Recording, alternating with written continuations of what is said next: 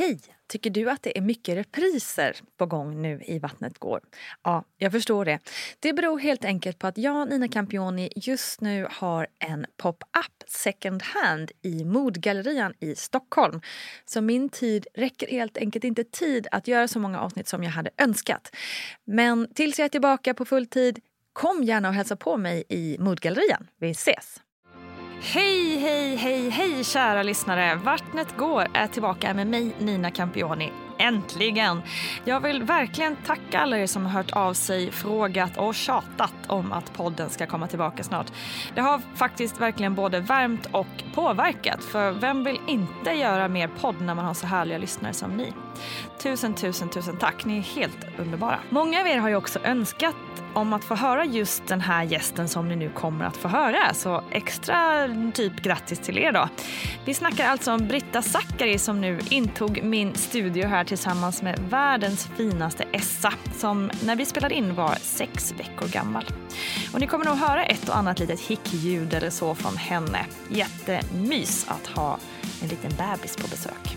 Med oss är också som vanligt barnmorska Gudrun Abascal för att reda ut ett och annat under tiden. Men eh, ja, without further ado, här kommer Britta Zackari. Ryan Reynolds here from Mint Mobile. With the price of just about everything going up during inflation, we thought we'd bring our prices down. So to help us, we brought in a reverse auctioneer, which is apparently a thing.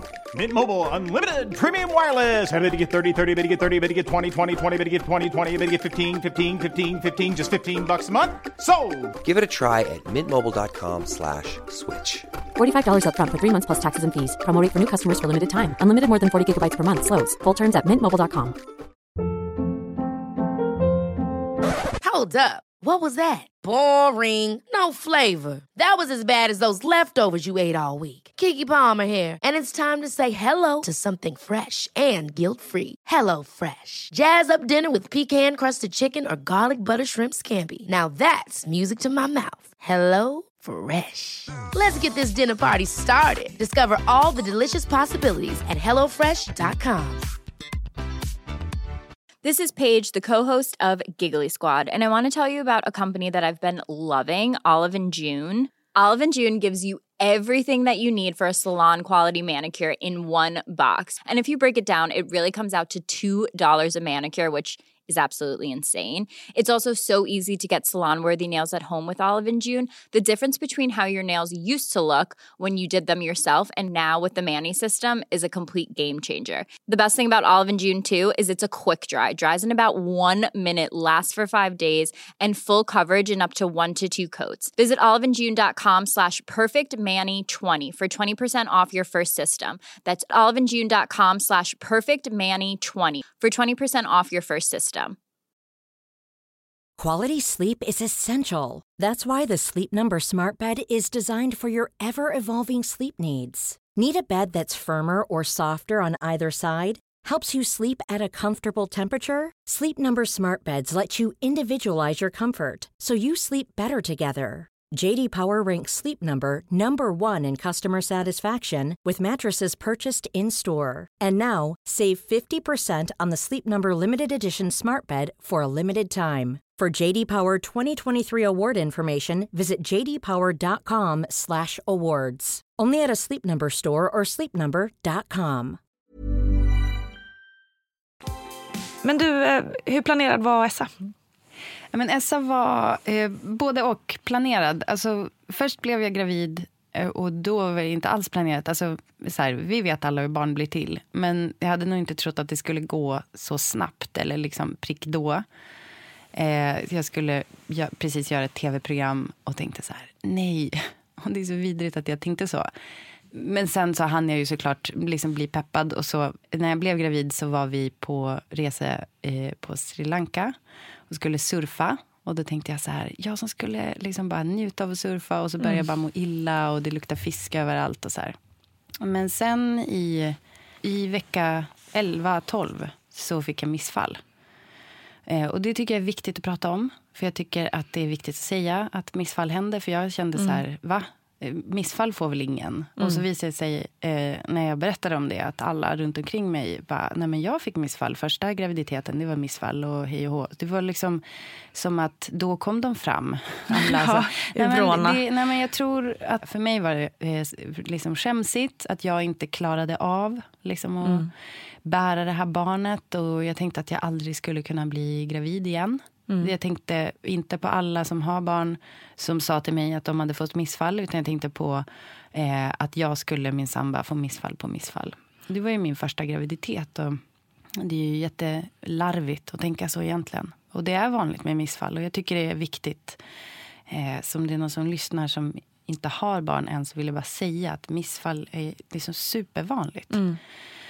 Men det är ju Eh. också en naturlig, att man blir rädd för det där, att man inte ska kunna få barn. Ja, Eh, Det är ju inte så konstigt. Det Nej, det, nej, men precis. Och det är ju väldigt konkret. Alltså det är så jobbigt när eh, man bara känner hur det var ett liv och sen är det inte ett liv. Det är ju en deppig grej. Men man får ju påminna sig själv om också att kroppen är så himla smart och fiffig så den gör sig av med det där som inte hade blivit något bra liv. Men det är ju smärtsamt. Otroligt. Och jag var ju deppig, alltså på riktigt deppig. Jag var liksom rekordledsen i två veckor. Alltså så ledsen har jag nog aldrig varit. Och jag sörjde det som jag liksom sörjer en död typ. Och ehm, sen så skulle jag börja filma mitt liksom, tv-program Flickvän på försök. Och det var ju liksom, ja, men det, det var väl bra tror jag. Att jag fick kasta mig in i något som krävde mitt fokus. Så att jag kom ur, alltså jag, jag tillät mig själv att sörja ordentligt. Och sen så började jag jobba. Då så fick jag ju rådet att man ska vänta typ ett par månader innan man blir gravid igen. Eh, och det var ungefär det det tog. Och så då var hon ju extremt efterlängtad. Alltså, när jag, men det blir ju lite annorlunda. Eh, det blir lite mindre dramatiskt då när man gör ett gravtest och det är positivt. För jag, jag vågade ju inte ropa hurra. Eh, utan det var som att jag så här, kröp in till Kalle. Han låg och sov. Och så kröp jag in till honom och så sa jag att, att jag var gravid igen. Och så typ, låg vi och hånglade lite och var liksom glada. Men vi vågade ju inte, vi vågade ju inte riktigt ta ut någon glädje. Eh, och det är lite synd att bli snuvad på det där liksom, yes-känslan. Eh, men jag, jag tror också att det är en så extremt normal reaktion. Det är så här, vi hade det där och det blev så sorgligt. Så nu vågar vi inte riktigt vara lika glada. Nej, men det är ju väldigt förståeligt. Men jag måste också bara fråga, eh, just i och med att du sa att, det, att folk kröp fram eh, efterhand att de hade Ja. fått missfall. Tyckte du det var jobbigt att berätta när du hade fått missfall? Ja, ja det tyckte jag. Mm. De här som berättade för mig, det var ju för att jag sa till dem Mm. att jag hade fått missfall. Och, eh, men, eh, och sen så hade jag, jag hade två kompisar som jag visste om hade fått ja, men ganska sena missfall. För att då hade de berättat det för mig när det hände. Mm. Men i övrigt så visste jag ingen. Så jag pratade ju med dem. Men sen så när jag började prata med an- andra så kom det fram. Och ehm, jag tyckte att det var jobbigt så att när jag berättade för folk som jag liksom Ja, vad ska man säga, när jag började berätta det lite mer så här casual, typ så här, by the way, jag har fått missfall. Det var ju när jag var långt in i graviditeten med Essa. Och eh, det var ju, alltså det var kanske ett vecka 20 någonting, alltså när hon började sparka som jag verkligen vågade tro att så här, det här kommer, det kommer komma en bebis. Och det är ju så himla sorgligt. Alltså, det är så sorgligt. Men jag vet inte hur det hade kunnat vara annorlunda. Men min barnmorska sa till och med det. För att jag, liksom när jag var där, och man är ju inte där så ofta i början av graviditeten. Så jag, liksom, jag så frågade henne, jag bara, tror du att det kommer bli en bebis? Och hon bara, det, det måste du ställa in dig på. Men jag, inte för att jag, eh, jag har ju inte varit med om ett missfall och jag kan ju inte föreställa mig hur det, hur det är rent känslomässigt och hela den processen. Men jag kände ju lite samma sak när jag var gravid, alltså ända fram tills det blev sparkar Ja. och man verkligen fysiskt märkte också på kroppen att den började växa och hela det där. Ja. Eh, så hade jag ju jättesvårt och jag var jättenervös varje gång man skulle gå på ultraljud. eftersom Jag kände ju ingenting och man, Nej. Jag bara, jag tror inte det finns någonting där inne blir det verkligen något då? Men Hej. alltså, ja, nu börjar jag vakna. Nej, men alltså, så här, va, hur skulle man egentligen Ja. kunna fatta det? Nej. Alltså, hur ska man kunna greppa att så här, du kommer skapa Mm. en person i din kropp? Och hur ska man kunna ta det för sant? Det är ju ganska konstigt. Det är helt overkligt, hela Ja. processen. Det är därför vi behöver den här podden så man kan förkla- förklara Ja. att det verkligen händer.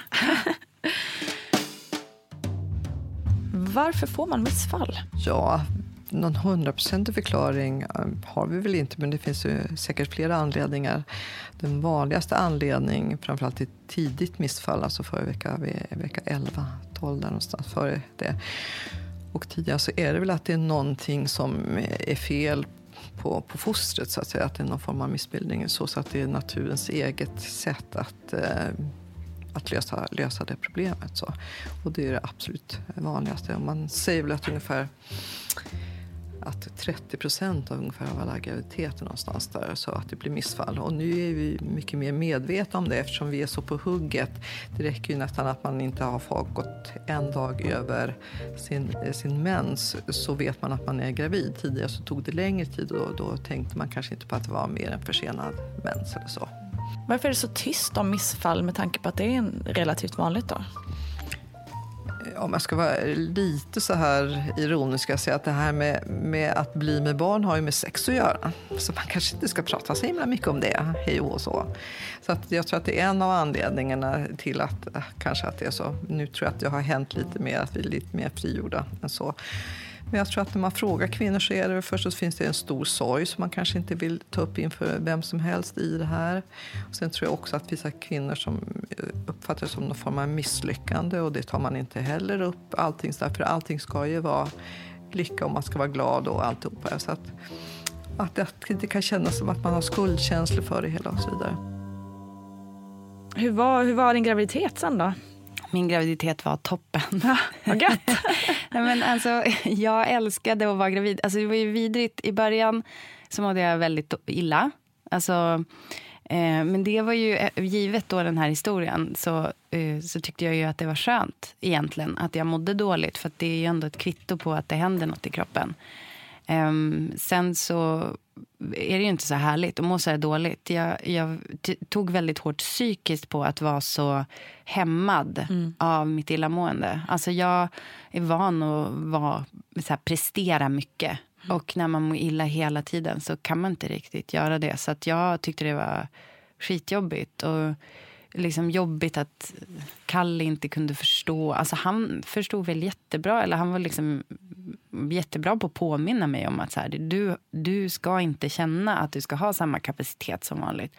Men jag kände ju det. Vilket jag liksom projicerade på honom. Mm. Men otroligt. Men jag var inte mitt härligaste jag. Eh, mest inåt. Liksom. Mm. Um, men det slutade ju som över en natt, typ i vecka 13. Och eh, sen så har jag bara mått jättebra. Jag har njutit av den här...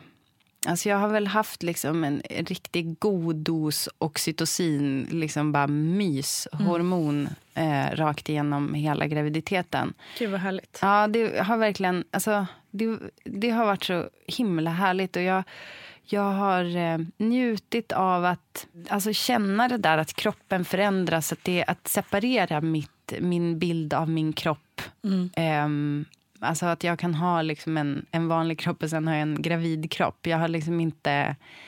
Alltså jag har, jag har liksom bara embraceat kroppen på ett helt nytt sätt. Jag har nog aldrig tyckt så mycket om min kropp som när jag var gravid. Det här är helt fantastiskt att höra. Jag ja. tycker också hur, hur smart tänk det här med att man faktiskt kan separera sina olika kroppar istället ja. för att vara ledsen över att min kropp inom situationstecken förstörs. Eller, ja. Alltså att man verkligen ser det så. Det tror jag är jättenyttigt. Ja, alltså för mig har det varit det. Jag är liksom, som tror jag, väldigt, väldigt många andra tjejer har haft kroppsnojor. Mm.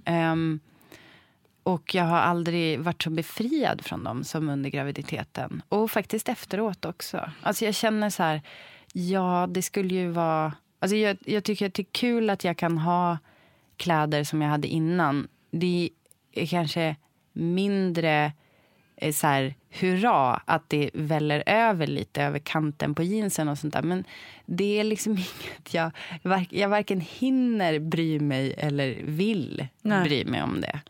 Eh, det är liksom bara så här prick när man knäpper jeansen och bara, mm. då. Och innan så tyckte jag nog till och med att det var så här, gud vad deppigt och bara totalt så här, tappa med lusten att vilja vara fin eller något sånt där. Men det är ju liksom något så mycket finare att vilja... Alltså man blir väl finare på insidan antar jag. Alltså på det sättet att man är så hängiven någon annan mm. så att ens eget är så himla skitsamma. Alltså ja, gå med kräks på kläderna ja. och bara whatever. Exakt. För att hon har det bra eller hon ja. sover. Och, eller att man bara får gosa. Liksom. Ja, man har ju varken tid eller ork att bry sig om sådana små saker. Det, mm. alltså, som, som innan kändes så mega, mega viktigt. Ja. Uh, jag känner igen mig exakt det där du säger. Mm. Det är jättebefriande. Och jag tänker också liksom nojan i graviditeten är väl också en sån där sak som att det är en lite, alltså det är ju lite så typ befogat eller vad man ska säga. Men det är också lite så bara för att vi har tid. Vi, mm. vi har möjlighet att fundera på det där. För vi behöver inte tänka så här, oj, kommer jag ha mat att äta Precis. imorgon? Eller kommer jag behöva så här, fly mitt land? Alltså fatta, alltså, oh, Gud, fatta de som liksom packar in sig själv och sina spädbarn på en så här båt över Medelhavet. De, alltså, den, eller som är gravida. Mm. Eh, den stämningen, vi har liksom inte, vi, vi, har en annan, vi har ett annat utrymme för oro. Och det är så fint också på något sätt att man bryr sig så mycket om barnet inne i kroppen. Mm. Som man inte ens känner än. Som bara är som en liten kidneyböna på ett ultraljud. Men det var, så jag tyckte det var kul att vara gravid. Jag trodde att jag skulle träna jättemycket, det gjorde jag inte. Alltså jag, jag gjorde väldigt mycket väsen om när jag tränade. Jag tror liksom att folk ser mig som en tränande person. På Facebook jag, och sånt där. Nej, men alltså jag så här, instagrammade typ de två gånger jag tränade under graviditeten. nej, men det kanske ble, det blev väl några fler. Men det jag tyckte var bäst var nog... Ja, men det var ganska skönt att styrketräna ordentligt. Ehm, de gånger jag fick till att göra det. Ehm, men jag tyckte också väldigt mycket om gravidyoga. Mm. Vilket jag gjorde exakt två gånger. Och jag önskar att jag gjorde fler eftersom jag köpte tio kort. Kaching! Men um, jag hoppas att man får utnyttja det sen på något sätt. Nej, men alltså, det, det var så bra för avslappningen och andningen mm. och sådär. Men sen, och sen de sista månaderna, alltså de sista tre månaderna så sov jag ju värdelöst. Och du alltså, gjorde det? Ja, usch vad jag sov dåligt. Men jag har inte varit så störd av dålig sömn. Alltså jag kan klara mig på ganska lite. Vissa mm. är ju sådär och måste mm. ha sin sovmorgon och måste liksom... Är du en, är du en sovperson? Jag älskar ju att sova, men... Ja, eh, ja men om men du jag, säger nej, så. Jag behöver precis. Men jag, behöver, jag klarar mig på ganska lite... Alltså jag, ja. funktion, jag är funktionsduglig. Ja, jag förstår. Även med lite sömn. Ja, men, så jag, alltså det var mer att jag bara led av att det gjorde så ont i kroppen liksom, mm. när man ligger och stökar. Alltså, mm. När jag fick liksom be Kalle och så här, putta över mig på andra sidan. och var också lite sur över att jag inte kom på det tidigare, att jag kunde be honom för att det var så himla jobbigt att vända sig. Mm. Men um, så, alltså, tips till dig som är långt in i din graviditet. Alltså, jag har en sån här amningskudde att ha mellan benen. Det Just var det, det, bästa. Jag har typ inte använt den sen jag har börjat amma. Utan jag använder den som mest att sova med. Mm. Så himla bra. Mm. Skönt. Ja, faktiskt. Jag har för mig att Frida Farman också tipsade om ja, den okay, långa ja. korven. Och, ja, ja, precis. Mycket härligt. Väldigt smart. Men jag kommer ihåg att vi pratade lite mot slutet, när du kanske till och med gick över tiden eller hur det nu var. Att du var ju ganska aktiv och fick grejer med saker hemma. Och... Ja, just det. Ja, nej, jag, eh, jo, men jag fick en sån här eh, lite intensiv eh, mm, liksom bo, bo, vad säger Boa, man? Säg. Boa-period. Mm. Um, på slutet. Jag höll på och målade skåp och liksom sådär. Och jag stod faktiskt och skruvade skötbordet när jag började få verkar. Fast mm. jag fattade inte att det var verkar då jag vet inte vad jag trodde. Att jag, jag, det kändes som att jag fick håll. Ja. Jag sa det till någon annan som kände igen det där. Att så här, ja, det, var, alltså, det var väl inte en verk i sig, men alltså det, det blev som en känsla i kroppen något. blev annorlunda. Och det roliga är att jag, eh, de typ två nätterna innan var de första nätterna jag fick sova riktigt gott. Och då okay. kände jag så här, jag bara, nu kanske det är något på gång. Ja. För att det var alltså, hur smart i kroppen. Den bara, nu ska vi vila upp dig lite, för nu händer det grejer. Och det härliga är ju att jag gick inte alls över tiden, utan det var på natten till ja, due date. Så var det ju. som verkarna började. Det är helt otroligt. Ja, det är så larvigt. Och jag ber om ursäkt om det är någon som blir provocerad av min liksom, otroligt så här, härliga... Bara, åh, allt är så toppen och på jobbet går det också jättebra. och snygg är jag också. Ja, exakt. Varsågoda världen. Nej, men eh, det är faktiskt så att det går att ha en underbar graviditet. Och jag var ju inställd på, herregud, alltså det trodde jag ju absolut att jag skulle gå över tiden jättemycket. Och jag försökte få barnmorskan att säga när barnet skulle komma. alltså så här, ja men typ, vad, är, så här, vad tror du? När kommer? Och då sa hon, alltså det vanligast att gå över tiden tre till fyra dagar. Mm. Och så sa hon också, kolla med din mamma, för det brukar oftast var lite likt. Och då berättade min mamma att eh, hon hade gått över tiden tio dagar med min storebror. Och hon hade också fått gjort en hinsvepning som inte funkade. Mm. Så att det var så här, jag bara okej. Okay. Jag kommer ihåg att du var lite så här, oh, jag vill ju, vi ska ju snart fira påsk och jag vill ju liksom inte hålla på att föda då. Ja, exakt, jag ville ha min bebis till påsk. Eh, jag älskar påsken och eh, jag ville inte ligga på förlossningen då. Eh, självklart så prioriterar jag ju ett friskt barn framför alla mina egna grejer alla gånger. Men det om man fick vi. önska. Men så då började eh, jag känna något så konstigt på kvällen när jag höll på att skruva det där himla skötbordet som jag hade kommit på kanske kunde vara bra att ha. Eh, och sen så eh, på natten så vaknade jag av att jag trodde att vattnet gick. Mm. Jag låg sjukt nog lite så framstupa sidoläge. Kom jag, alltså, så konstigt. Jag vet inte varför. Men så var det som att det kändes som att jag typ verkligen... Alltså jag, typ kissade ner sängen. Liksom. Mm. Så jag så här tassade upp. Klockan var så här vid typ halv tre på natten. Och så ringde jag till BB. För det är också den där stressen nu som säkert du som lyssnar också känner till. Att så här, kommer jag få plats mm. på BB mm. som det råder i Stockholm? Um, så jag var ju ganska snabb och så här, okej, okay, har vattnet gått då vill jag liksom, jag vill, det är som att man vill så här, safea sin plats eller såklart. i alla fall att de ska ha koll på att så här, okay, hon kan vara på gång. Mm. Och då var det ju såklart värsta förhöret kring så här, om vattnet verkligen hade gått. Och det här är lite pinsamt att säga för det var som att det var ganska tydligt på hon som jag pratade med att hon tyckte nog att hon bara, var det inte bara en riklig flytning? Hon bara, de kan vara väldigt rikliga. och, och ja, jag bara, ja, inte vet jag liksom. jag bara, det, var, det kändes verkligen som att hela sängen... Alltså, eh, och sen så hade jag ju gått, jag hade ju också gått och satt mig på toa och liksom försökt så känna lite... Alltså det ska ju vara liksom lite rosa färgat och sådär. Eh, och jag tyckte att det var det. Men ja, eh, hur som helst så är det ju så att de vill ju undersöka en om det är så att vattnet har gått. Mm. Så vill de ju i så fall boka tid för en igångsättning inom 72 timmar eller vad eh, Så då sa vi att vi skulle höras. Jo, och så frågade hon om jag hade verkar mm. och jag bara nej. Och då sa vi att vi skulle höras, jag skulle komma in vid sjutiden på morgonen. Hade Essa fixerat sig? Och sådär bara, ja, hon var mm. fixerad sen typ tre, fyra veckor. Alltså hon mm. hade varit ganska okay. länge. Just det, det är sådana saker man glömmer bort. Eh, det hade ju varit en grej liksom för mig att jag bara, hon är redo att köra. Ja. ja. Nej, men, och då så skulle jag komma in vid typ sju tiden på morgonen sa vi. Så jag skulle liksom hinna innan morgontrafiken tänkte jag. För det är också ett issue i Stockholm. Mm. Då när jag la på så fick jag en verk. Okay. Eh, och jag bara, hmm, intressant. Men jag ringde inte och sa det, utan jag bara eh, liksom gick och la mig. Och eh, sen så märkte jag faktiskt, alltså på min hund, jag vaknade nog till, alltså jag tror jag sov lite så halvdåligt. Men jag märkte på min hund så att det, det är något med mig. Alltså hon mm. blev väldigt så här, orolig. Och då tänkte jag så här, jag har nog ganska mycket verkan nu. Fast jag sov. Alltså jag sov mig igenom, alltså jag sov ju inte bra eftersom jag registrerade där att Åh, hunden är konstig, jag verkar.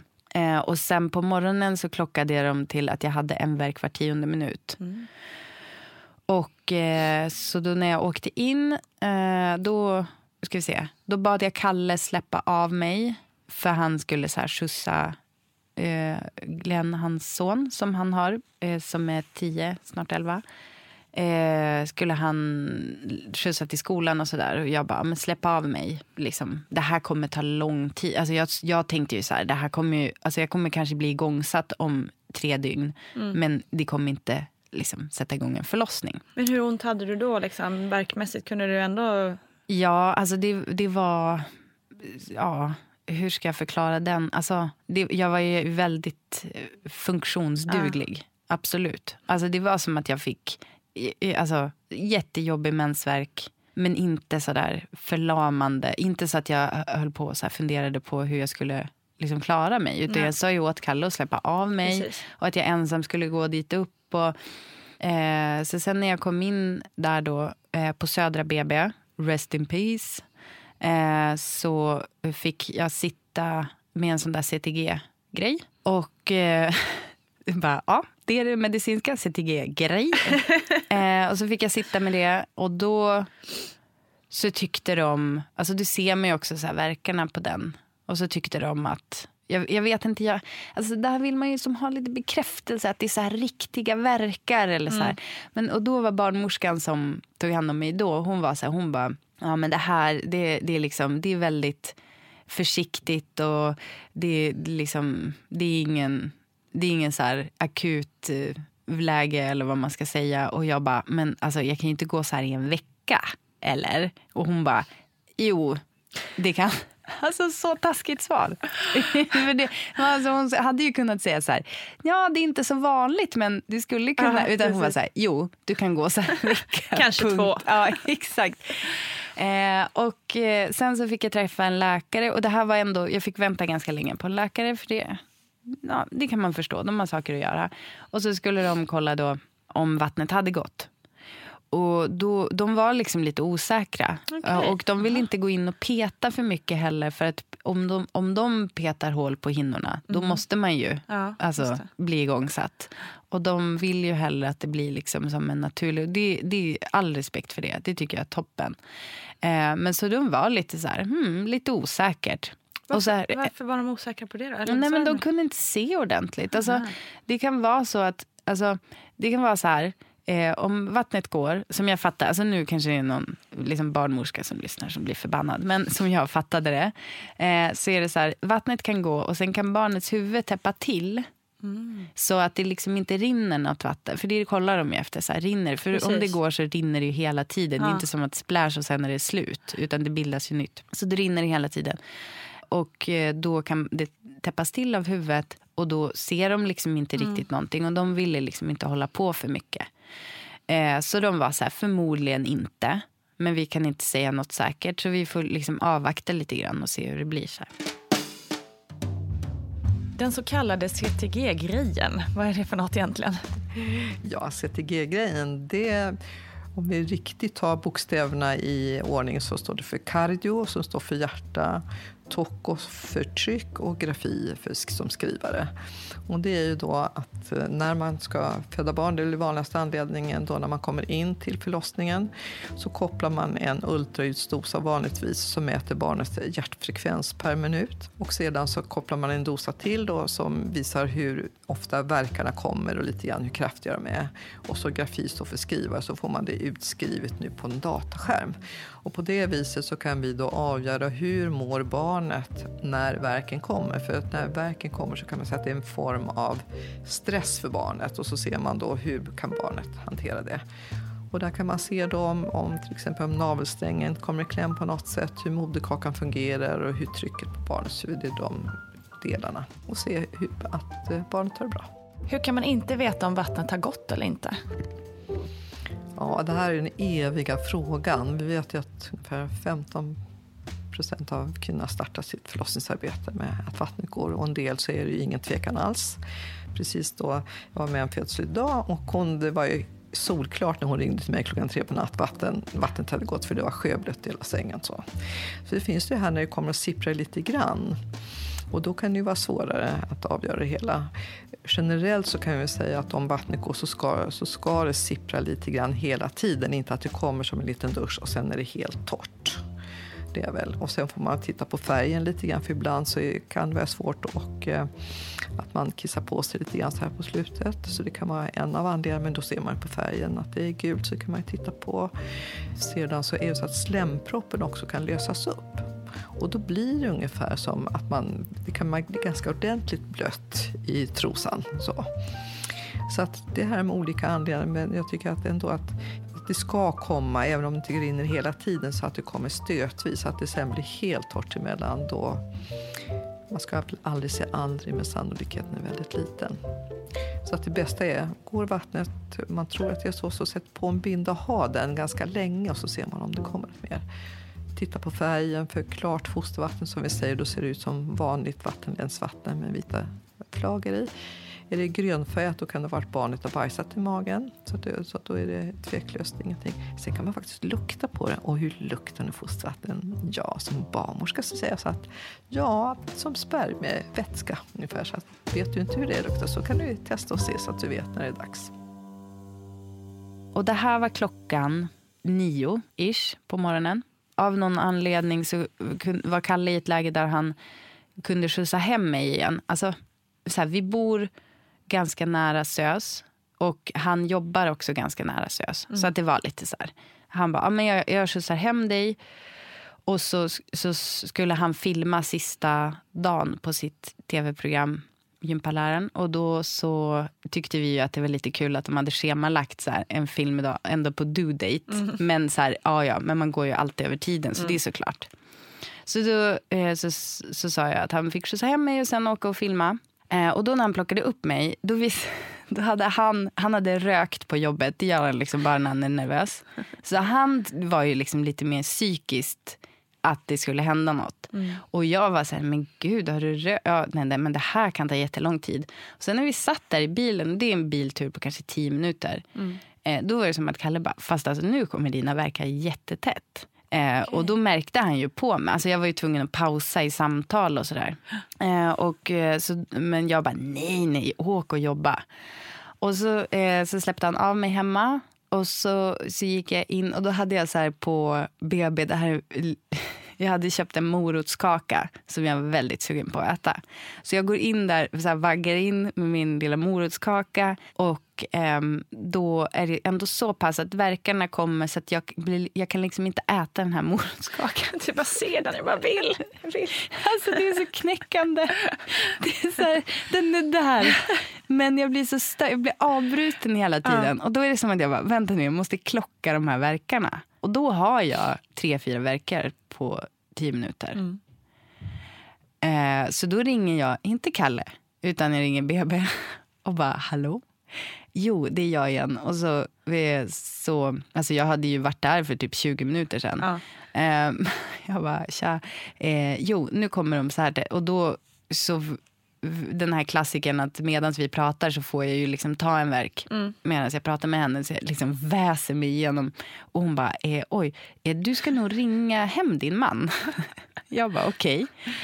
Så då ringer jag hem Kalle. Och, sen, och så sa hon så här, men, men liksom stanna hemma så länge det känns bra. Mm. Men det verkar ju ändå som att det liksom är på gång någonting här. Och eh, då ringer jag Kalle. Och, så, sen så, och då kommer han fort som tusan. Och så så tappar han upp ett bad åt mig. För det var också en sån grej, alltså förutom morotskakan som, jag, som jag sörjde så att jag inte kunde äta. Eh, det är så konstigt, man tänker så här, men vadå, du får tre, fyra minuters paus emellan. Men det var liksom, jag vet inte, det var så omöjligt att liksom mm. tänka att jag skulle hinna tugga klart. Och så här, ja. För det var så, jobb, det är så jobbigt det... att ha något på gång medan verken kommer. Och så återhämtas mellan och ja. sådär. Men sådana här saker visste jag ju liksom inte innan. Jag visste inte hur det skulle kännas med verkar. Men det är, liksom, det är väldigt jobbigt, jobbigt att bli störd i en verk mm. kan jag säga. Och väldigt jobbigt att försöka ha något på gång. Så då hade jag ju tänkt på det där badet också. Men jag vågade inte gå ner. För då måste jag liksom gå ner en trapp och tappa upp det där badet. Och jag kände att jag pallade inte sitta där typ på toan och ta verken. Utan det var liksom skönare att ligga i sängen där jag var. Så när han kom hem så tappade han upp ett bad eh, och så, så satte jag mig i det och det var så himla härligt. Alltså rekommenderar å det varmaste. Mm. Alltså så härligt det är. Och det är en sån fantastisk smärtlindring. Helt sjukt ju. Alltså hur sjukt är det att hon fortfarande sover förresten? Nej, det är, Ja. hon är så tyst. Ja.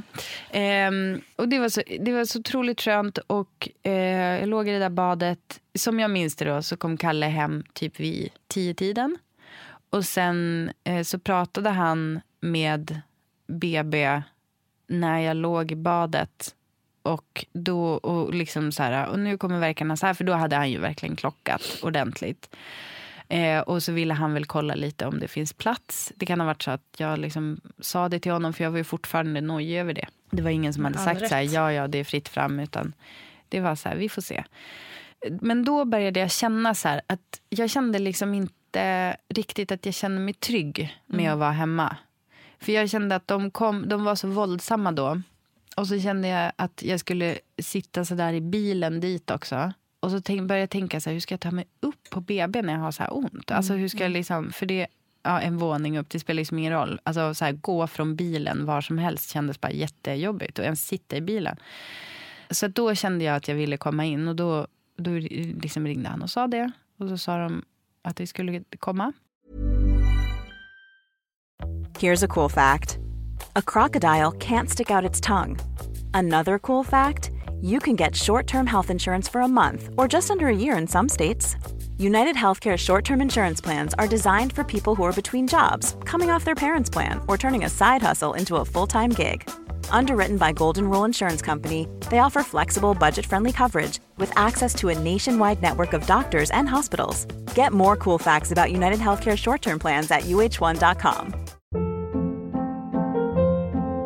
Hold up. What was that? Boring. No flavor. That was as bad as those leftovers you ate all week. Kiki Palmer here, and it's time to say hello to something fresh and guilt-free. Hello Fresh. Jazz up dinner with pecan-crusted chicken or garlic butter shrimp scampi. Now that's music to my mouth. Hello Fresh. Let's get this dinner party started. Discover all the delicious possibilities at hellofresh.com. Quality sleep is essential. That's why the Sleep Number Smart Bed is designed for your ever evolving sleep needs. Need a bed that's firmer or softer on either side? Helps you sleep at a comfortable temperature? Sleep Number Smart Beds let you individualize your comfort so you sleep better together. JD Power ranks Sleep Number number 1 in customer satisfaction with mattresses purchased in-store. And now, save 50% on the Sleep Number limited edition Smart Bed for a limited time. For JD Power 2023 award information, visit jdpower.com/awards. Only at a Sleep Number store or sleepnumber.com. Hey, it's Ryan Reynolds, and I'm here with Keith, co star of my upcoming film, If, only in theaters, May 17th. Do you want to tell people the big news? All right, I'll do it. Sign up now and you'll get unlimited for $15 a month in six months of Paramount Plus Essential Plan on us. Mintmobile.com slash switch. Upfront payment of $45 equivalent to $15 per month. Unlimited over 40 gigabytes per month. Face lower speeds. Videos at 480p. Active Mint customers by 531.24 get six months of Paramount Plus Essential Plan. Auto renews after six months. Offer ends May 31st, 2024. Separate Paramount Plus registration required. Terms and conditions apply if rated PG. Wow. Nice. Yeah. What you're hearing are the sounds of people everywhere putting on Bombas socks, underwear, and t-shirts made from absurdly soft materials that feel like plush clouds. Yeah, that plush. And the best part? For every item you purchase, Bombas donates another to someone facing homelessness. Bombas. Big comfort for everyone. Go to bombas.com slash ACAST and use code ACAST for 20% off your first purchase. That's bombas.com slash ACAST. Code ACAST. Sen en rolig detalj, alltså så här, hur, jag kommer ihåg att jag tänkte så här, hur klär man sig för förlossning? för jag hade, alltså jag hade, det är liksom så konstigt bara. Men det är så här, Helst klackar. Ja, helst klackar och ja, men sitt piffigaste jag, så man får extra power. Eh, nej men, eh, jag tog på mig en partytopp och drog. Ehm, och så sen så åkte vi in. Men alltså det var ju som bara det där att jag hade helst inte velat ha något på mig. Alltså det är så konstigt. Nej, nej, alltså, så här, varför ska jag ta på mig det här? Allt känns så jädra värdelöst. Eller onödigt. Och sen så eh, när vi kom dit så möttes, då kom de och hämtade oss i dörren. Alltså jag vet inte hur detaljerat det ska vara. Men jag tycker liksom själv när jag har lyssnat på den här podden så tycker jag det är mysigt med, man vet ju ingenting liksom. Nej, det är jättebra med beskrivningar. Då kom de och mötte i dörren en eh, barnmorska och hennes praktikant från Australien. Så sa jag till den här barnmorskan, för då medan vi typ väntade på att de skulle komma och möta i dörren, jag bara liksom klev in eh, och typ la mig på, jag bara hittade så en brits, typ, det var så här akutingången, så jag bara la mig på någon så akutsäng och bara här ska jag ligga och ta min verk. Alltså för det är ju så, det går liksom inte att göra något. Man är inte duglig till ens att stå. Så då sa jag till henne, så jag bara, hur ska jag ta mig upp och- till eh, förlossningen? Och då, då sa hon så här, hon, hon bara, vi tar, vi tar några steg i taget. Alltså jag älskar alla barnmorskor, jag vill bara säga det. De är så himla, himla bra på att lugna en framför allt. Verkligen. Då liksom tog vi oss in i hissen och då fick jag liksom bara krypa ihop i ett hörn i hissen och bara mö, typ, tog verken där. Och sen när vi kom och gick i korridoren då kom den där barnmorskan som sa att det skulle inte kunna ta en vecka. Alltså, In your jag var face. så nöjd. Men eh, obs, det här registrerar jag inte då, utan det berättade hon för mig sen. Okej. Men hon bara, och sen när du kom där i korridoren, jag kände mig så dum för det var ju Ja. bara två timmar senare. Ja. Eh, och, och, men det var ändå en in your face stämning när jag stod där och bara flåsade ut min verk. Eh, och sen så eh, när vi kom in på rummet så bad jag direkt om att få bada. Eh, för det, det, jag har sån himla tur att jag fick plats på Södra BB innan det stäng, att jag fick föda innan det stängde. Jag Kan, alltså jag tycker det är viktigt att säga att det är så himla dåliga beslut som fattas som att man inte prioriterar kvinnor och eh, födande. Eh, för det var så himla lyxigt. Och det finns ju bad, badkar på förlossningar här och där. Men man kanske får turas om om dem. Här får man som ett eget rum. Och eh, då fick jag sitta i badkaret och så sen så... Eh, nej, just det. De undersökte mig ju först såklart. Just. Eh, och då, eh, då var det så här att jag fick sitta med den där CTG-grunkan. Och så, så undersökte hon ju mig, hur öppen jag var. Och eh, där, har jag liksom, där hade jag då en fantasi om att om jag inte var tillräckligt öppen, jag vet inte om det här stämmer, det kanske gör det. Men att om jag inte var tillräckligt öppen att jag skulle få åka hem igen. Just. Mm.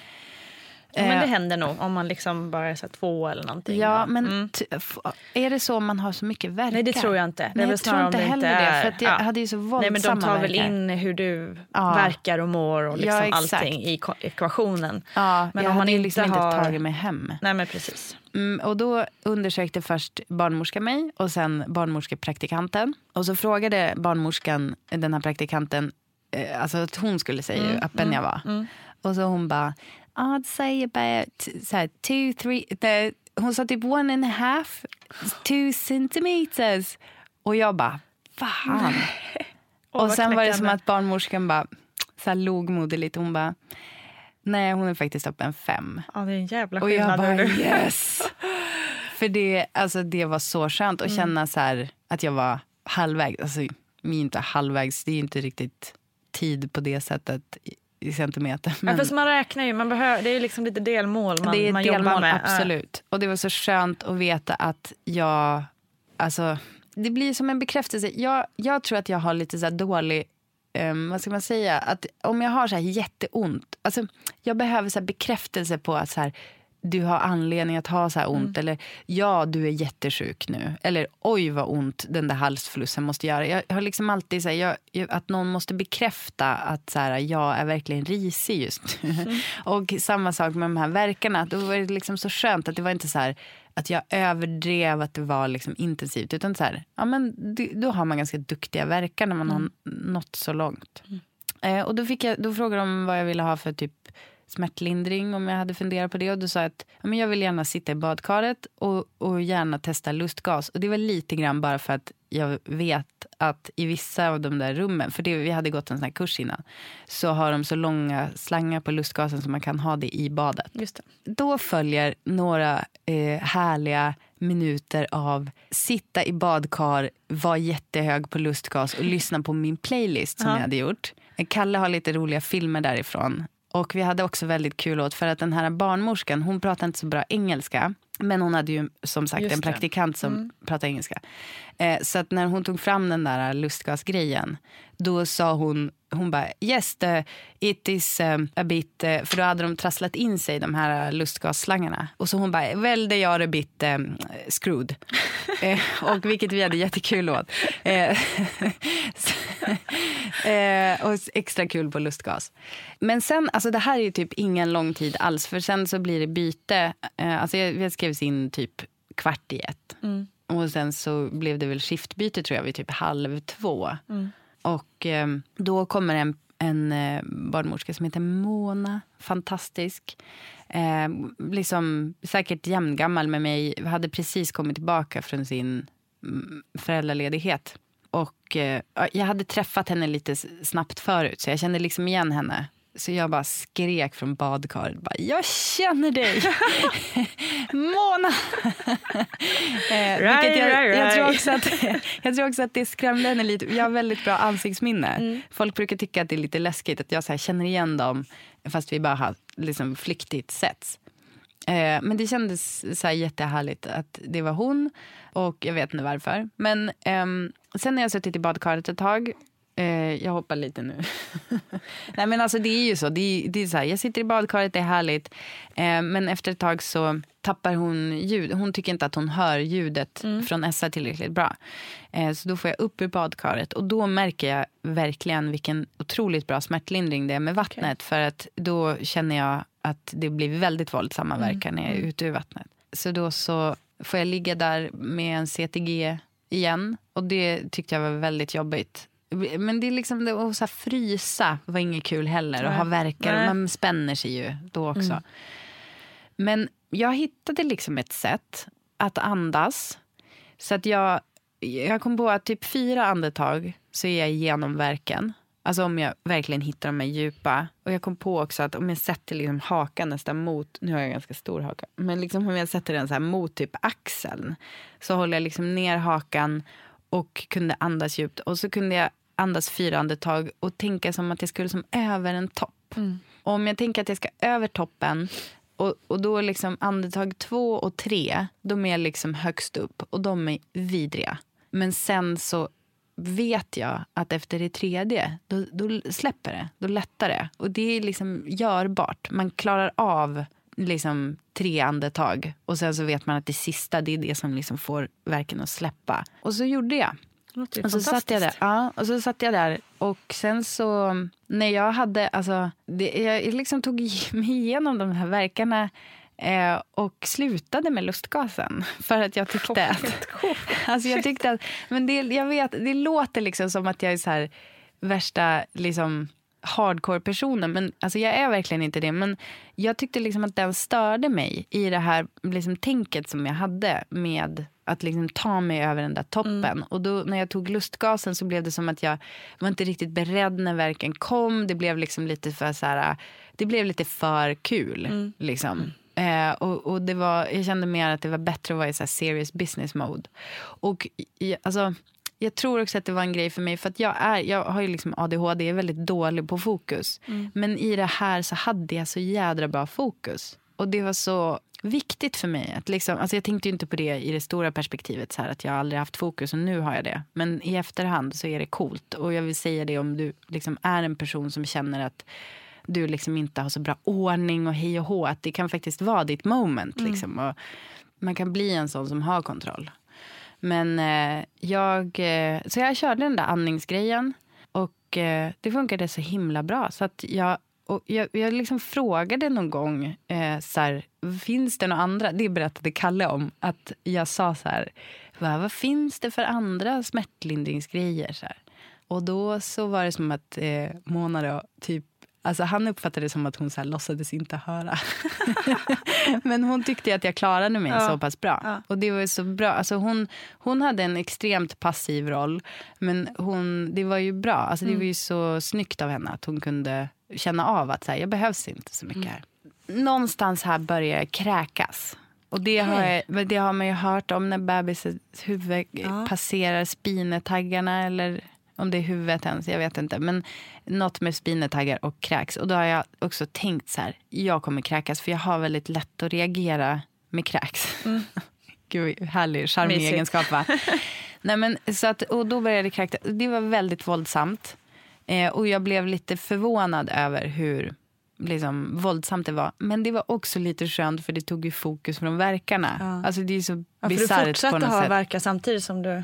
Eller? Men du, det har jag inte tänkt på. Jag, t- tänker du att jag kanske inte hade verkar då? För men jag tänker bara funderar på, det måste ju varit fortsätter. fruktansvärt. Ja. Men det är klart, då tänkte inte du på det. Alltså, Nej. Bara, Alltså det är ju som Ah. bara ett sånt tryck på något sätt. Det är Mm. väldigt eh, kanske tråkigt att prata om. Men jag var, ja men på något sätt så var det så här att det var skönt att det var något annat att tänka på.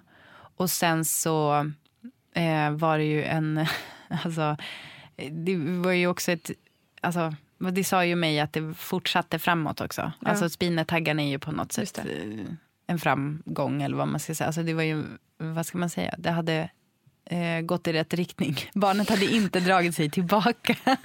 Sjukt va? Ehm, och eh, Kalle försökte så här bäst han kunde med att så här klappa och lugna. Han var jättebra på att säga till mig hur jag skulle andas. Eh, han var mindre bra på att stryka mig över ryggen på exakt precis rätt sätt. För han gjorde så här, eh, alltså typ sa något som muntrade upp lite. Jag bara, inte skämta, inte skämta. Och så här, strök han mig över ryggen. Jag bara, för snabbt, för snabbt. så jag bara väste, så jag var helt introvert. Och sen så eh, började jag få krystverkar. Och då kunde jag inte, jag kände inte att jag kunde hålla emot. Vilket är en väldigt märklig känsla liksom. Men eh, det, och, och för då, då kollade hon, och jag trodde ju så här, man skulle få rapporter hela tiden. Bara, nu är du öppen 6 centimeter, nu är du öppen 7. Mm. Men som jag minns det så kollade hon bara typ någon gång att jag var öppen 7-8. Och sen så hörde jag inget mer om det. Och Nej, sen det. var bara, kom krystverkarna. Och då kollade hon, då var jag tillräckligt öppen. Men huvudet var för högt upp. Mm. Eh, Så hon bara, du får gärna liksom spara på krafterna här. För det är liksom inte go time. Och det är ju supersvårt. Alltså jag bara, hela kroppen bara, "Åh, Ja, men gud, ut ja. med barnet. Ehm, och eh, jag, jag, jag kände så här, jag var, jag var som i kroppens våld. Mm. Jag kunde liksom inte styra något. Eh, och då föreslog hon att jag skulle byta position. För då i det här läget så står jag alltså på, på knä i sängen. Eh, och Kalle håller liksom i mina armar. Så här. Jag står lutad mot en, en högre säng. Gud vad svårt att förklara. Men, ja. men då så sa hon att, att jag skulle sätta mig på den här pallen. Den här eh, liksom, museiföremålpallen. Precis. Och jag tror att det är en positiv grej och liksom bara en förflyttning kan liksom göra att saker och ting händer. För då, som jag minns det, och det här är ju, alltså hela den här berättelsen är ju liksom ett förlopp på sju timmar. Men i mitt huvud så känns det som två. Mm. Kanske, alltså Mm. det är verkligen Mm. inga, alltså så här, tid är helt... Ja, liksom, verkligen. Alltså- tappar man ju helt och Ja, hållet. alltså det är mycket för att jag somnade mellan verkarna också. Mm. Alltså jag har liksom ingen begrepp. Kalle tyckte att det var extra underhållande att berätta för mig vad klockan var. För att jag blev så förvånad varje gång. Han bara, nu är klockan fyra. Jag bara, va? Va? Är klockan fyra? Så här helt, och så bara somna. Men då när jag satt på den där pallen, då är det liksom Kalle bakom mig. Alltså det, det blev, hon hade frågat mig innan i vilken position jag ville föda. Och då hade jag sagt pallen. Och sen så hade jag väl liksom glömt bort det lite grann. Så här. Men det var ju såklart därför hon, geniet, föreslog pallen då. Och eh, det, är ju, det känns ju jobbigt att flytta. Alltså när man har så där ont, då är det som bara världens sämsta idé. Vad fan Man är ska jag liksom upp och överlag, gå? liksom. Mm. Ja. Men när jag satt på den där pallen så, ja, men så var det typ... Eh, alltså, krystade, jag minns det som kanske två, tre gånger och liksom tog spjärn mot Kalle. Och Det kändes verkligen som, så här, som, som jag typ hade fantiserat om. Att jag bara tar tag i min man och bara åh, så här, pressar ut den här lilla, lilla bebisen. Eh, som är så... Alltså det är så sjukt, det är så sjukt. Jag har ju sån perfekt bild av när hon kommer ut. Det, det kändes så himla annorlunda att krysta än vad jag tänkte. För att eh, det, det, det är som att man tar i allt man kan och så händer ingenting. Alltså först gjorde det ju inte det. Det är liksom ing, alltså minimalt. Jag, jag, jag har liksom tänkt lite på så här, du vet en sån här lång ballong. I en ballongpåse så finns det alltid såna här avlånga ballonger. Mm. Och de är så jädra svåra att blåsa upp. Det är som att man bara tar i allt man kan och så den liksom öppnas inte, eller vad ska man säga, fylls inte. Exakt typ den känslan fast i kryst. Alltså att man bara åh, så här. Och så händer det ingenting.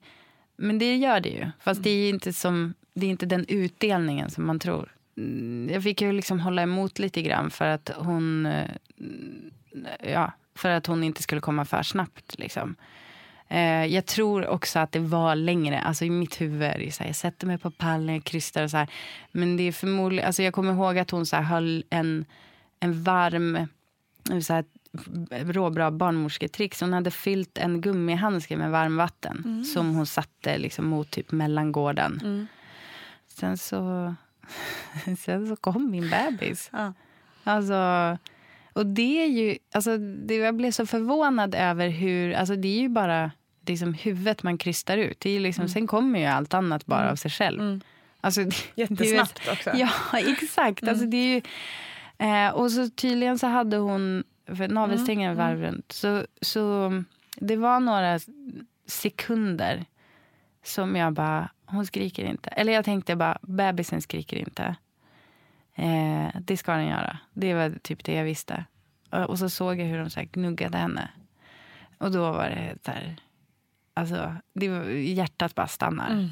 Det är hemskt. Men eh, sen så började hon skrika. Och, och just att det där att när jag liksom, det tog lång tid när jag hade, alltså när jag hade henne på bröstet. Det tog så lång tid innan jag bara så kom på, vänta jag har inte ens kollat vad det är för kön. Alltså vi, hade ju, vi hade kollat med ultraljud och var ganska säkra på att det var en tjej, men vi visste inte. Att, man, att allt annat blir så sekundärt i det där ögonblicket. Det, det är så himla häftigt. Och eh, nu är hon här. Ja, för den som är väldigt eh, bra på ljud och sånt så kanske ni märker att vi har fått en ny dynamik i rummet. Ja. Essa vaknade lite här och ville käka så vi tog en liten paus och nu är vi tillbaka och vi är tre som är vakna. Vi är tre som är vakna och en som har hicka. Ja, Ja, vi får se hur det går. världens gulligaste såklart. Var var vi någonstans? Mm, var- men du- vi var vid själva förlossningen. Ja, ja vi slutade ju Eh. ungefär i att hon precis hade kommit ut och att Ja. det tog ett litet tag innan hon började skrika. Ja, exakt. Just det. Och eh, alltså, det är en sak som jag glömde säga var att hjärtljuden gick ner, eller den här accelerationen. Man kanske vet vad det är. Jag, alltså, det är ju typ att hjärtljuden ska vara ojämna. Ja, eller, jag det. kan inte jo, förklara men precis, det. att de ska följa med verkarna. Ja, Eh, och jag vi vet pratade om det här i avsnittet med Hanna Videll, så vill man veta mer kan man ju lyssna på det. Ja, men perfekt. Eh, för att, och då så var de inte som de skulle vara. Alltså typ strax innan jag fick kry- krystvärkar så var det liksom en, en period av det. Och det var väldigt jobbigt för Kalle. Jag uppfattade liksom inte riktigt den här stressen. Eh, jag minns att jag tänkte så här, ja men okej, det kanske blir akut kejsarsnitt. Men ja, då blir det det. Typ, alltså, jag vet inte varför jag var så chilla. Jag tänkte typ att det kanske var lite så här skönt för att då var jag klar med, Ja, exakt. klar med verkarna. Slapp hålla, på tänka på, slapp hålla på att tänka på mina små bergstoppar som jag skulle ta mig över. Utan, ehm, för det gör ju ont, liksom. det är ju svinjobbigt. Um, men eh, så att det hade varit en liten period av det. Eh, och sen när hon kom ut eh, så var det ju det där då med att hon inte riktigt skrek direkt. Och det, det var, då, då kände jag liksom hur paniken började. Alltså hon började verkligen skrika direkt som min panik började typ infinna sig på riktigt. Innan hon kom ut så fick jag också känna på huvudet. Du gjorde liksom. det? Ja. Häftigt. Och alltså, det är häftigt. Och, och jag har för mig... Alltså Kalle fick också känna. Han satt ju då bakom mig och fick känna. Och ehm, det, det ger ju en himla pepp liksom. Mm. Till... Alltså... Nu får man liksom höra lite. Hej! Vänta, jag tror jag måste ta lite... Ja, är... multitasking mom. Att få känna på... Alltså det blir så otroligt konkret när man känner det där lilla huvudet. Alltså när jag tänker på bilden av när hon kommer ut. Eh, det är ju liksom det är det bästa jag sett i hela mitt liv. Alltså det... ehm, och alltså all, alla mina nojor, jag hade så mycket tankar om eh, först om det skulle bli ett barn och sen då när jag förstod att det, ja, men det blir nog ett barn, då är det, är det ett friskt barn. Ehm, liksom att klara sig hela graviditeten, alltså det är liksom hela tiden nojor. Eh, och man tänker inte på vad som är vanligast utan man tänker liksom på skräckexempel som man har hört. Så då först var det bara så här, jag kollade henne liksom att hon var okej Mm. Och sen så fick jag hålla i henne. Och, och jag minns inte ens... Alltså, det jag minns liksom att jag hade henne hos mig och Kalle klippte navelsträngen. Och sen så minns jag ungefär bara att så här, jag ligger i sängen. Alltså, jag vet inte riktigt hur... Jag vet inte, tid existerar ju som sagt inte.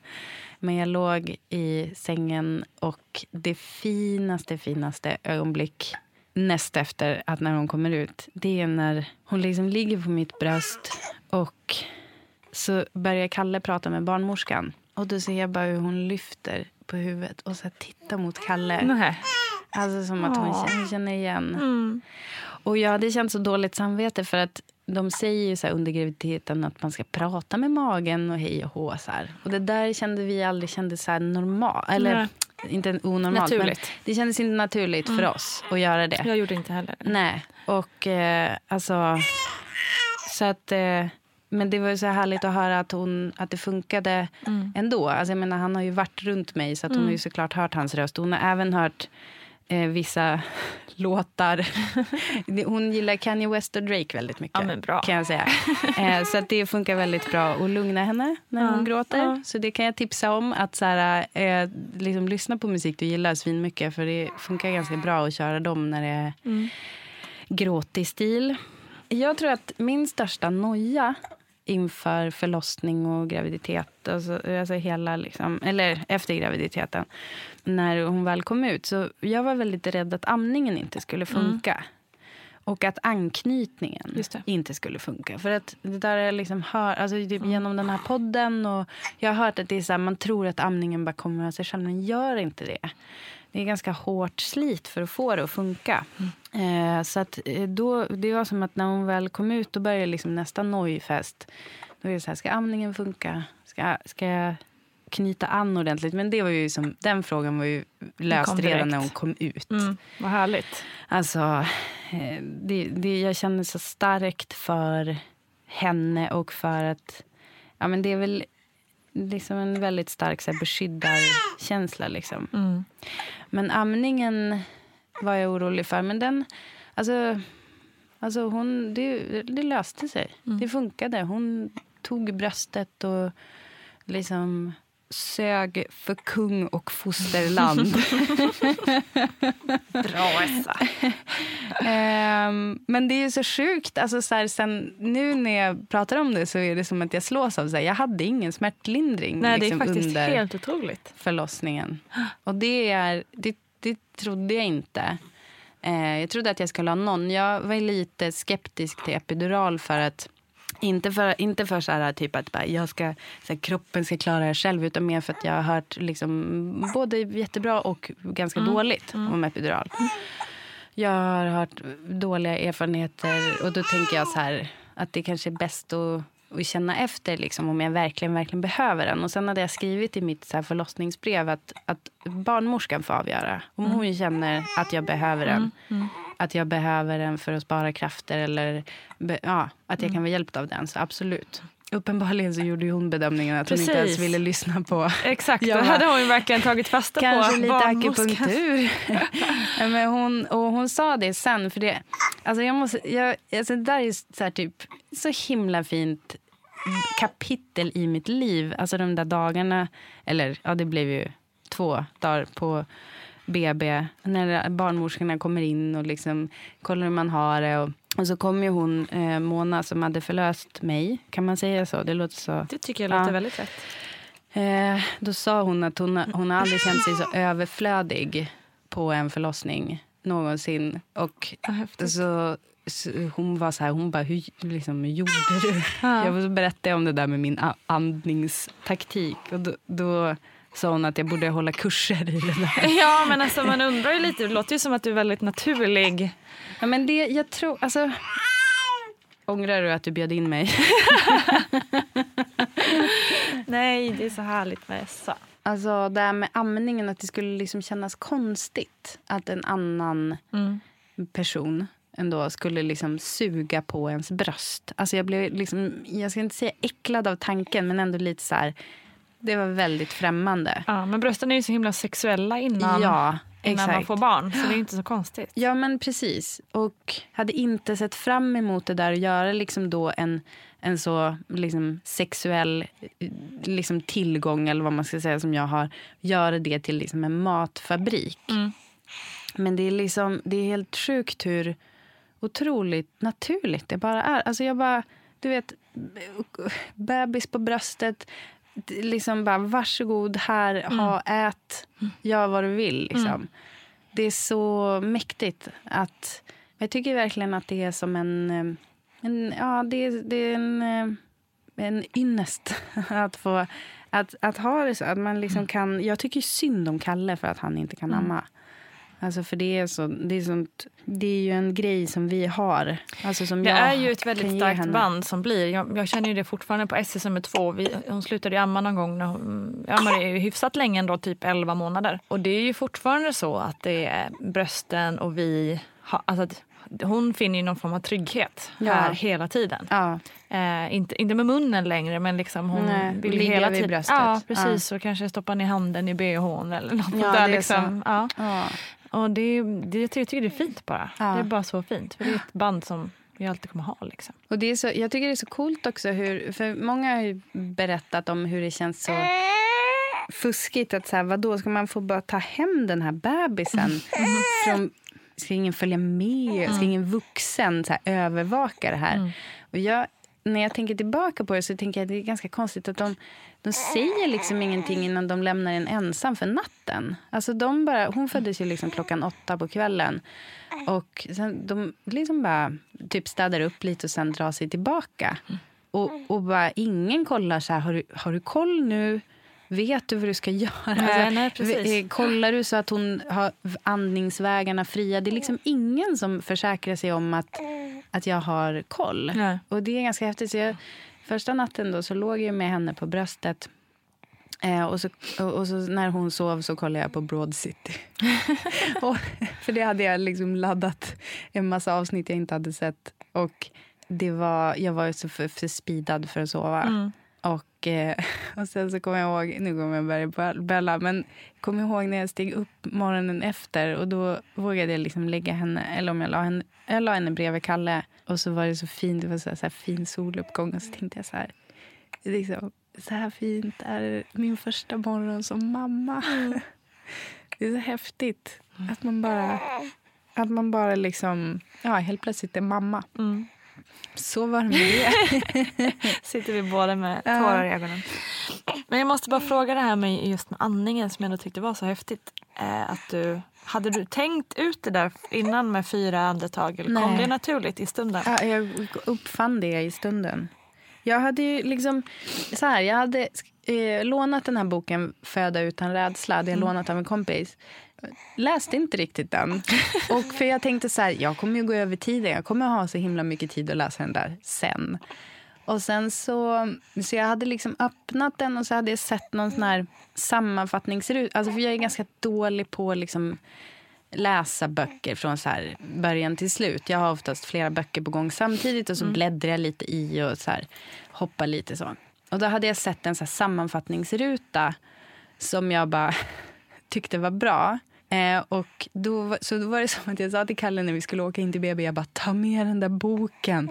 Det var en sammanfattning som var jättebra som vi kan titta på någon gång. Alltså som att jag tänkte som att vi hade den tiden att liksom bara, nu tar vi En fram boken. how-to-manual. Ja, exakt. Men då kommer jag ihåg att det stod och det här är möjligt att jag kommer ihåg helt fel. Jo, men att det stod så här, en avslappnad andning versus en icke avslappnad. Alltså om man inte är avslappnad så har man liksom axlarna högt upp. En avslappnad har axlarna lågt. Man har hakan mm, mot kroppen. Alltså det var lite så här jämförelse, typ dos and don'ts liksom. Och det var väl det, den bilden som jag försökte då få med mig. Och sen så har jag faktiskt hört Gudrun Abascal säga det här med hakan ner, gör en sit-up och typ tryck ut en Just tampong. Eh, och så det var väl det jag hade med mig när jag liksom skulle krysta. och sen var det... Nej men jag tror bara att jag hade tur och tänkte ut det där med andetag. Alltså jag, jag började väl bara räkna liksom hur många det tog. Och det var så skönt att jag, då visste jag så här. Att det kunde inte bli värre. Sen så kände jag ibland, om jag inte andades tillräckligt djupt så kände jag att verken kunde liksom hänga kvar lite, dröja sig kvar lite. Alltså det blev som inte av med den. Så då blev det så himla viktigt för mig att verkligen andas här jätte, jättedjupt. Och, eh, men det är ju också så där, man säger, alltså det är ju många som säger så här, det är inte alls som på film och det är det ju inte. Men det, det som var störst skillnad mot film tycker jag nästan är det här med att jag vet inte om jag vågar säga det här, men ja, jag tyckte inte det gjorde så ont att trycka ut ungen. Ja, men det, det håller jag faktiskt med om. Ja. Det håller jag faktiskt med om. Men, men också, fast det är många som Alltså, i podden har sagt... det. Jo, men verkarna gör ondare, Ja. tycker jag. För det är en annan Ja. typ av ondsla, kan man Ja. inte säga. men, Smärta smärta tack. Men vi kan kalla det ondsla från och med nu, för det är mycket mer kreativt använt språk. Ehm, nej, men det håller jag faktiskt med om. Men den, däremot så för mig i alla fall så var krystverkarna mycket mer utmattande. För att kroppen, Ja. Eh, hela Ja. kroppen tar i på ett helt annat konstigt sätt. Liksom. Ja, och alltså det är ju det där med att det känns som att ingenting händer. Alltså man ödslar så himla mycket kraft. Ja. Och jag tyckte ju att jag tog spjärn mot Kalle och Mm. bara pressade ut bebisen. Och Kalle bara, alltså det är det larvigaste eh, tag jag har känt om mina armar någonsin. Alltså det var som att jag, jag tyckte att jag verkligen, jag bara gud jag måste ju typ ha klämt Ja. sönder dina armar. Ja. Eh, eller vad det nu var han höll. Ja men hur kan jag, ja skitsamma. Jag höll i någonstans på hans kropp. Och klämde allt vad jag orkade. Och det, han, Han bara, inte alltså det. är så patetiskt. Nej, men det, så förstås är det olika för, för alla. För det, det är flera som har upplevt att det gör jätteont med, med de här verkarna också. Men jag, jag var lite förvånad över just det nämligen. Ja. Precis som du säger som på film, liksom att det där Ja. är det mest fruktansvärda. Jag tyckte inte att det var... Jag tyckte det var svinjobbigt, för jag höll ju på ganska länge. Men, Ja. Och men, men, själva, ja. Ja. Mm. men själva ondslan var värre i eh, de andra verkarna så att säga. Ja. Men det gick, nu så, pratade vi aldrig om det, men det gick hyfsat snabbt ändå där va? Eh, när det var dags för kryst. Ja, alltså från första krystverken så var, enligt journalen så är det ju då 40 minuter. Men det var ju Okej. då, då jag inte fick krysta. Mm. i ett tag. Så att jag, jag skulle tro att ja, det gick ganska snabbt. Mm. Sen när jag väl kryst, liksom satte mig på pallen och krystade. Vill du ha fler barn? Absolut. Alltså, jag, jag hade inte riktigt den där typ när, jag, när hon hade kommit ut att jag kände så här typ, "Mm, jag måste göra det här igen. För jag var så uppslukad av henne. Men, men alltså jag, jag kände, alltså jag, jag, jag känner liksom, så här, va, alltså, varför har vi inte gjort det här tidigare? Och liksom, kan vi göra det här, bara det här, alltid? Så känner jag. Um, jätte, jag vill absolut, jag vill ha liksom, minst tre barn. Alltså jag känner, jag känner så här, men det, eller så här, det är inte säkert att det går. Nej, det vet man Eh, ju så inte. att då kan man lika gärna liksom få drömma om det och så får vi se liksom vad det blir. Mm. Men sen har jag också fattat att alltså nu, det är ju som förhållandevis enkelt när de bara sover och äter egentligen, huvudsakligen.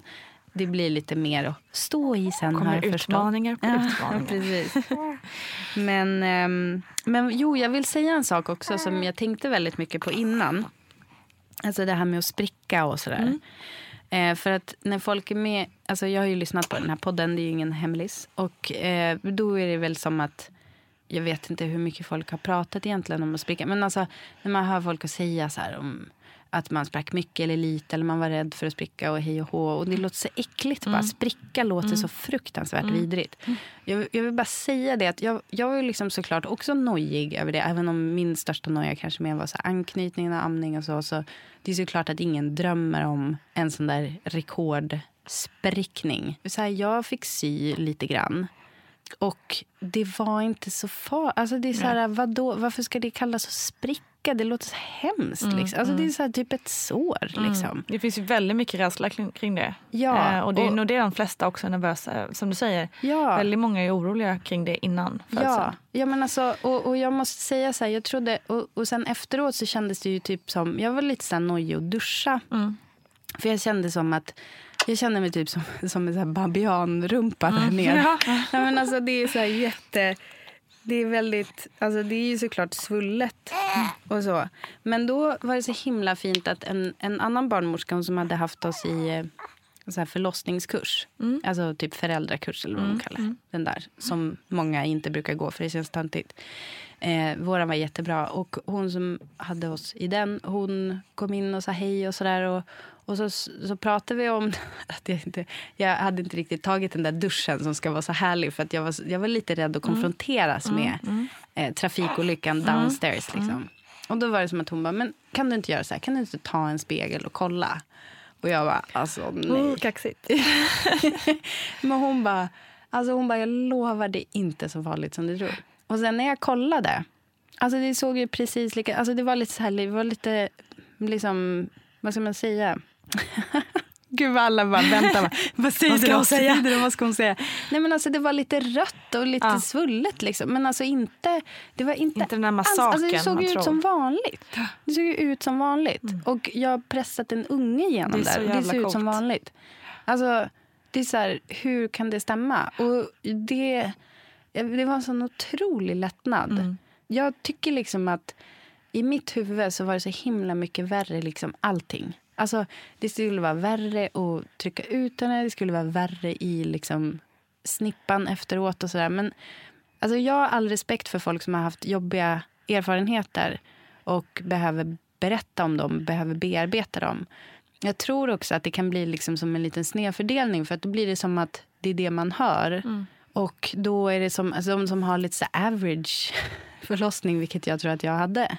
Att det är så här, har, då hör man kanske inte dem. För att då, vi är liksom lite mer så här, ja men det gick ju bra. Jag har liksom ingen, alltså, behöver Men ni har inte samma kanske behov av att prata Nej. ut. Eller Och- det kanske man har ändå, men det, ja. Nej, men det är som sagt så inte här- det som gör make headline, så att säga. Nej, men jag tror också att man känner att det är som en disrespect mot alla som har det jobbigt. Och då är det så här, men då ska det. inte jag så här, ta något utrymme och säga.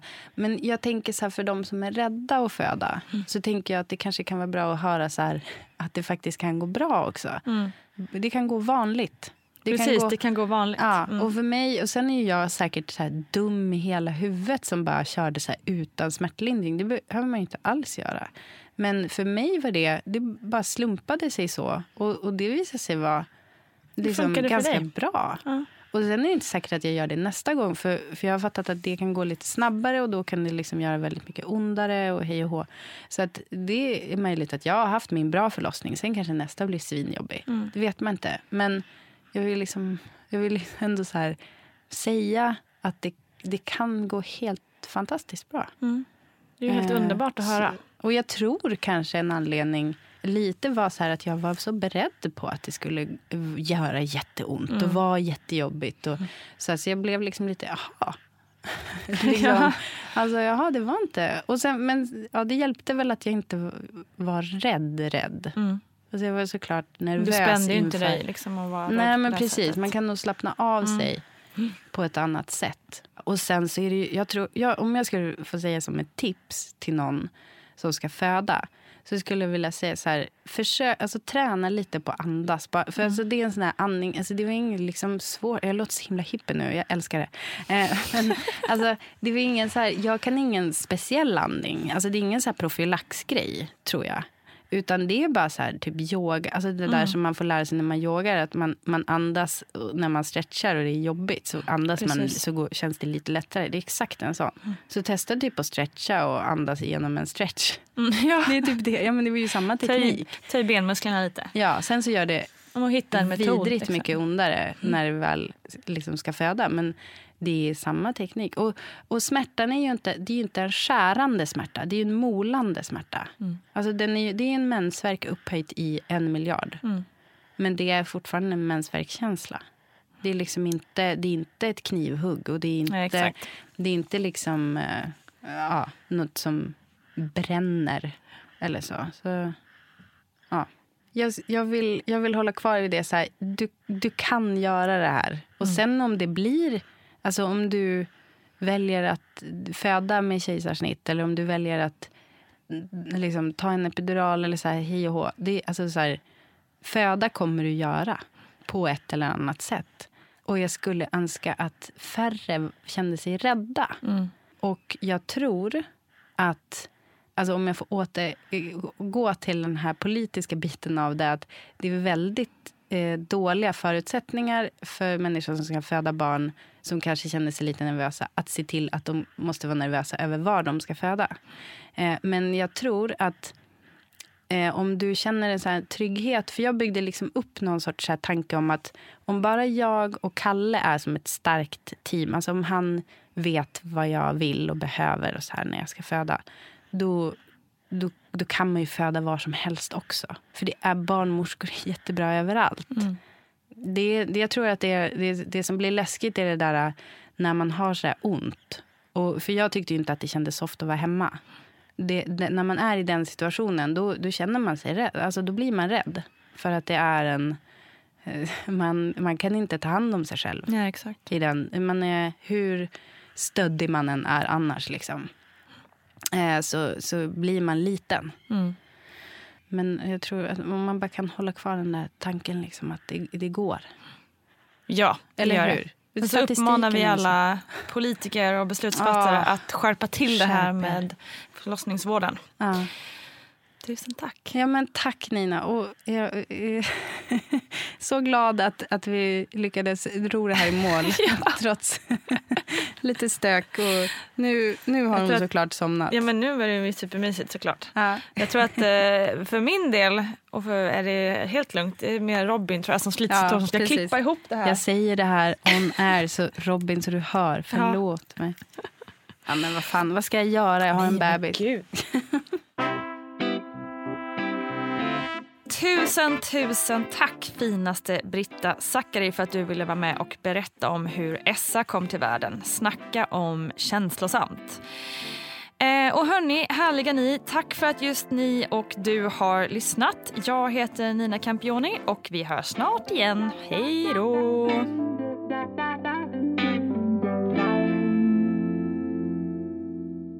Producerat av Perfect Day Media.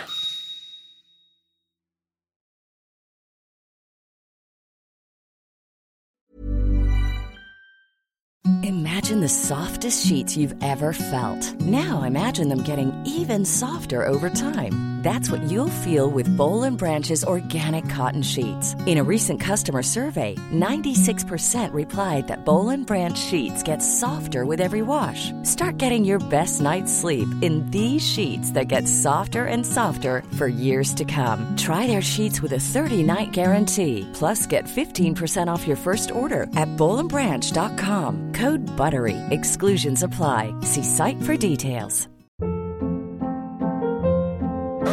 Hold up. What was that? Boring. No flavor. That was as bad as those leftovers you ate all week. Kiki Palmer here, and it's time to say hello to something fresh and guilt-free. Hello Fresh. Jazz up dinner with pecan-crusted chicken or garlic butter shrimp scampi. Now that's music to my mouth. Hello Fresh. Let's get this dinner party started. Discover all the delicious possibilities at hellofresh.com. Hi, I'm Daniel, founder of Pretty Litter. Did you know cats tend to hide symptoms of sickness and pain? I learned this the hard way after losing my cat, Gingy. So I created Pretty Litter, a health monitoring litter that helps detect early signs of illness by changing colors, saving you money and potentially your cat's life. Pretty Litter is veterinarian developed, and it's the easiest way to keep tabs on your fur baby's health right at home. Go to prettylitter.com and use code ACAST for 20% off your first order and a free cat toy. Terms and conditions apply. See site for details. Even when we're on a budget, we still deserve nice things. Quince is a place to scoop up stunning high end goods for 50 to 80% less than similar brands. They have buttery soft cashmere sweaters starting at $50, luxurious Italian leather bags, and so much more. Plus, Quince only works with factories that use safe, ethical, and responsible manufacturing. Get the high-end goods you'll love without the high price tag with Quince. Go to quince.com/style for free shipping and 365 day returns.